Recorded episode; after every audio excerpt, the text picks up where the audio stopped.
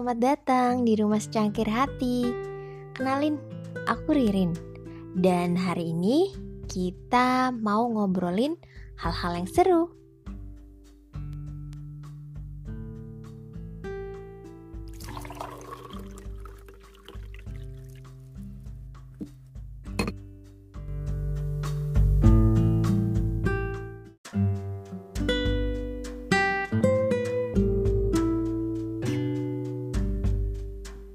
Teman sehati, gimana kabarnya hari ini?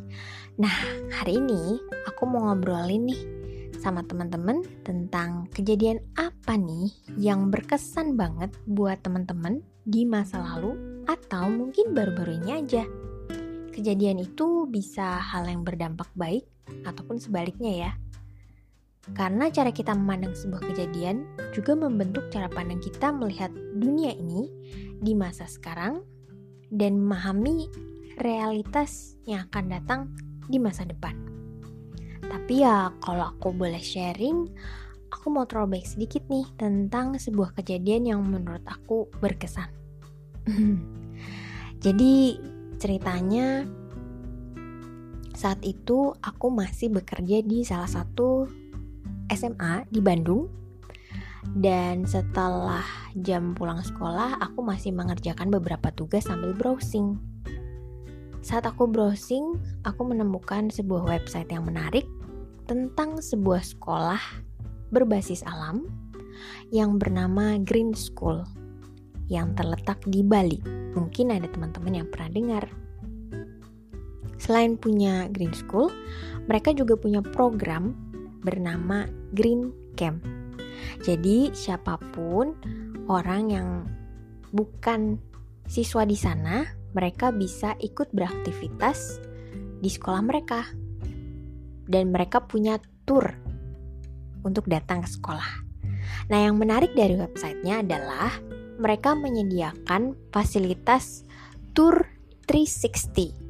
Jadi seperti real time experience, kita bisa melihat dari laptop atau komputer untuk menjelajahi kawasan Green School. Dan itu sangat menarik, seru banget. Karena mereka punya banyak fasilitas dan yang unik dari sekolah ini adalah hampir seluruh bangunan yang ada di sana terbuat dari bambu. Karena memang sekolah ini berbasiskan environmental friendly dan kurikulumnya juga memasukkan kurikulum mengenai pentingnya sustainability dan kepedulian terhadap lingkungan. Bahkan di sekolah yang ukurannya cukup luas ini, mereka punya sistem recycle sendiri, daur ulang mandiri yang dilakukan oleh siswa dan guru-gurunya. Lalu mereka punya taman organik dan ada kegiatan memasak sayur bersama. Lalu mereka juga ada kegiatan di mana mereka membuat prakarya atau karya seni dengan bahan-bahan yang ada di alam, namun secara daur ulang. Jadi konsepnya sangat-sangat cinta lingkungan. Selain itu, karena bangunannya terbuat dari bambu, pastinya sirkulasi udaranya baik dong. Karena kalau bisa dibayangkan, ini bentuk sekolahnya seperti gazebo. Yang jelas pasti ada atapnya ya, tapi kan sekelilingnya terbuka. Jadi terbayang dong saat proses belajar mengajar terjadi, anak-anak jadinya lebih fokus karena udara yang segar, lalu pemandangannya yang hijau, dan pasti cara belajarnya juga sangat interaktif. Anak-anak bisa mengungkapkan pendapatnya dan juga mereka mendapatkan feedback dari gurunya. Dari satu tempat ke tempat yang lain, saat pergantian pelajaran, mereka akan berjalan kaki melewati beberapa lokasi. Di sana juga ada sawah, sehingga anak-anak bisa belajar bercocok tanam. Dan pastinya ada kegiatan seni, di mana mereka belajar menari atau membuat kerajinan tangan. Jadi tempatnya sangat seru itu pikiran saya waktu melihat websitenya Green School. Dan sebenarnya pada saat itu saya sempat berandai-andai juga sih. Wah, kayaknya seru ya kalau suatu hari nanti saya bisa datang ke sana secara langsung. Ya, seperti yang saya bilang tadi, mereka membuka tour bagi orang-orang yang bukan berasal dari sekolahnya untuk bisa menjelajahi sekolah mereka dan mendapatkan penjelasan mengenai kurikulum, mengenai kegiatan yang ada di sana, dan juga program-program lain. Sangat seru bukan? itu pikir saya. Dan ternyata hal itu kejadian juga Kejadiannya dalam arti benar-benar terjadi nih teman-teman. Sebenarnya waktu saya tidak secara spesifik pengen bilang, oh aku harus datang ke tempat ini. Tidak sih, tetapi hanya di dalam hati saja. Hmm, kayaknya kalau suatu hari nanti saya bisa ke sana rasanya menyenangkan ya. Bertahun-tahun kemudian, ya kira-kira hmm, sekitar 4 atau lima tahun setelahnya, saya mendapatkan kesempatan untuk pindah ke Jakarta karena saya juga harus menikah ikut suami. Jadi saya resign dari sekolah saya yang ada di Bandung, kemudian mendapatkan kesempatan untuk mengajar di salah satu sekolah swasta di Jakarta. Nah, di sana setelah semester pertama seperti biasa setiap sekolah punya program karya wisata untuk murid-muridnya. Dan kebetulan saat itu saya juga menjadi wali kelas untuk siswa-siswi di kelas 10. Nah, di situlah saya baru menyadari ternyata sekolah ini memiliki program karya wisata yang sedikit berbeda dengan sekolah saya yang sebelumnya.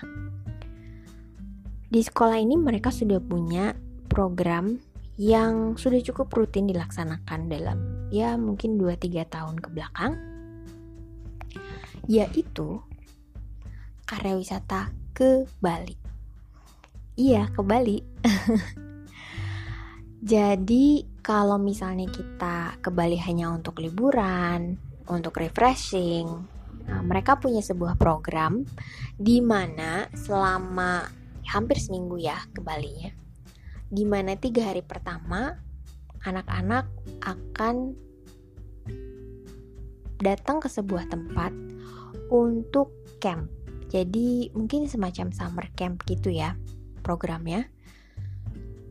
Di summer camp ini anak-anak akan belajar banyak hal, belajar berinteraksi, bekerja sama dalam kelompok, juga mempelajari hal-hal yang dekat dengan alam. Karena ya seperti yang kita ketahui dari anak-anak di kota besar, mereka jarang sekali kan menikmati atau melihat kondisi alam yang sebenarnya, melihat hewan-hewan, tumbuh-tumbuhan, bagaimana berinteraksi dengan orang lain yang ada di daerah. Jadi itu salah satu fokus dari karya wisatanya. Saat saya pertama kali ikut rapat antar wali kelas untuk membahas tujuan kami itu ke mana saja, oh saya pikir ya pasti ke tempat-tempat turistik juga ya. Seperti GBK. Uh, oh bukan GBK ya GWK kok ingetnya jadi GBK mohon maaf. Uh, Garuda Wisnu Kencana kemudian beberapa pantai pastinya karena seperti yang kita tahu pantai-pantai di Bali juga cantik dan menarik dan mungkin mendatangi beberapa sentra pusat kerajinan tangan dan seni yang pasti sangat terkenal di Bali. Tapi yang saya terkejut adalah tempat pertama yang akan didatangi anak-anak untuk summer camp selama tiga hari pertama adalah Green Camp. Di mana Green Camp itu adalah masih berada dalam afiliasi dengan Green School Bali. Saat pertama kali saya rapat itu perasaan saya campur aduk antara very excited, sangat senang, terharu, gak nyangka, sampai gak percaya. iya, segitunya. Karena saya pikir kejadian itu adalah kejadian yang di mana dreams come true. Kejadian yang sangat berkesan karena saya pun bahkan tidak sempat memikirkan lagi keinginan saya untuk datang ke Green Camp bertahun-tahun yang lalu. Tapi sekarang saya malah dapat kesempatan untuk datang ke sana, membimbing murid-murid, dan tinggal di sana selama tiga hari dua malam. Wow, itu adalah sebuah kesempatan dan kejadian yang luar biasa. Salah satu dari kejadian yang luar biasa yang saya alami. Dan itu tuh berkat banget ya dari Tuhan. Karena jujur saya tuh nggak pernah spesifik doa Tuhan. Aku pengen dong datang ke Green Camp, ke Green School. Nggak, nggak pernah. Never have ever. Nggak pernah sekalipun saya kepikiran untuk seserius itu. Tapi ternyata malah dikasih kesempatan seperti ini. Dan itu kejadiannya menurut saya sangat berkesan dan you know what? Selama tiga hari dua malam itu saya benar-benar belajar banyak hal dan juga hmm, pada akhirnya membuat saya bersyukur bahwa saya mendapatkan privilege, mendapatkan kesempatan ini dan juga bisa sharing sama murid-murid.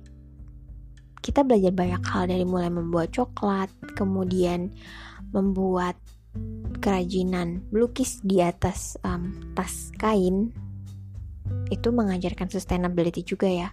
Kemudian rafting.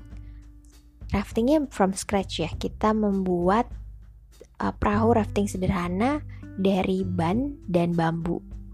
Lalu makan makanan sehat yang organik setiap hari. Dan tempat kita menginap pun itu pondok-pondoknya terbuat dari bambu. Tempat tidurnya pun rangkaian dari bambu. Tapi itu sangat healing. Tempatnya sangat sejuk, kemudian sangat hijau, karyawan di sana sangat ramah, staff-staff di sana juga yang menjadi PIC kegiatannya juga sangat friendly dan helpful gitu. Dan kita juga belajar banyak hal di sana. Jadi sangat berkesan dan menurut saya itu adalah hal positif ya yang kita dapatkan di sana dan anak-anak pun juga sangat senang jadi, kalau bisa disimpulkan dari apa yang saya alami, terkadang kejadian yang kita harapkan itu mungkin bisa saja terjadi bertahun-tahun kemudian kalau memang sudah waktunya Tuhan. Dan apa pun kejadian yang kita alami, apakah itu yang berkesan baik ataupun sebaliknya, saya juga tetap belajar untuk bersyukur. Karena sebuah kejadian itu bisa membentuk kita menjadi pribadi yang jauh lebih baik ke depannya. Belajar juga untuk tetap mengantisipasi hal-hal yang akan terjadi kemudian, tapi juga tetap menyerahkannya pada Tuhan. Nah, teman-teman, kalau kalian pernah mengalami kejadian apa nih?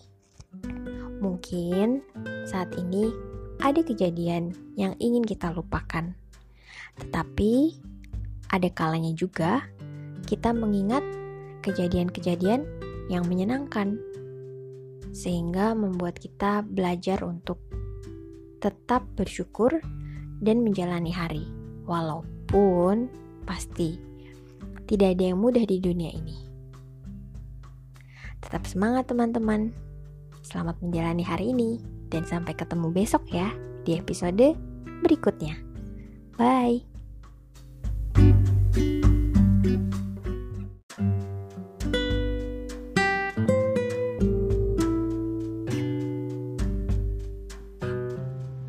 Kasih ya udah dengerin ceritaku hari ini. Besok kita ngobrol lagi ya. Oh iya, kamu juga boleh banget kok kalau mau cerita sama aku. Tinggal sharing di kolom komentar atau follow Instagramku di secangkirhati21.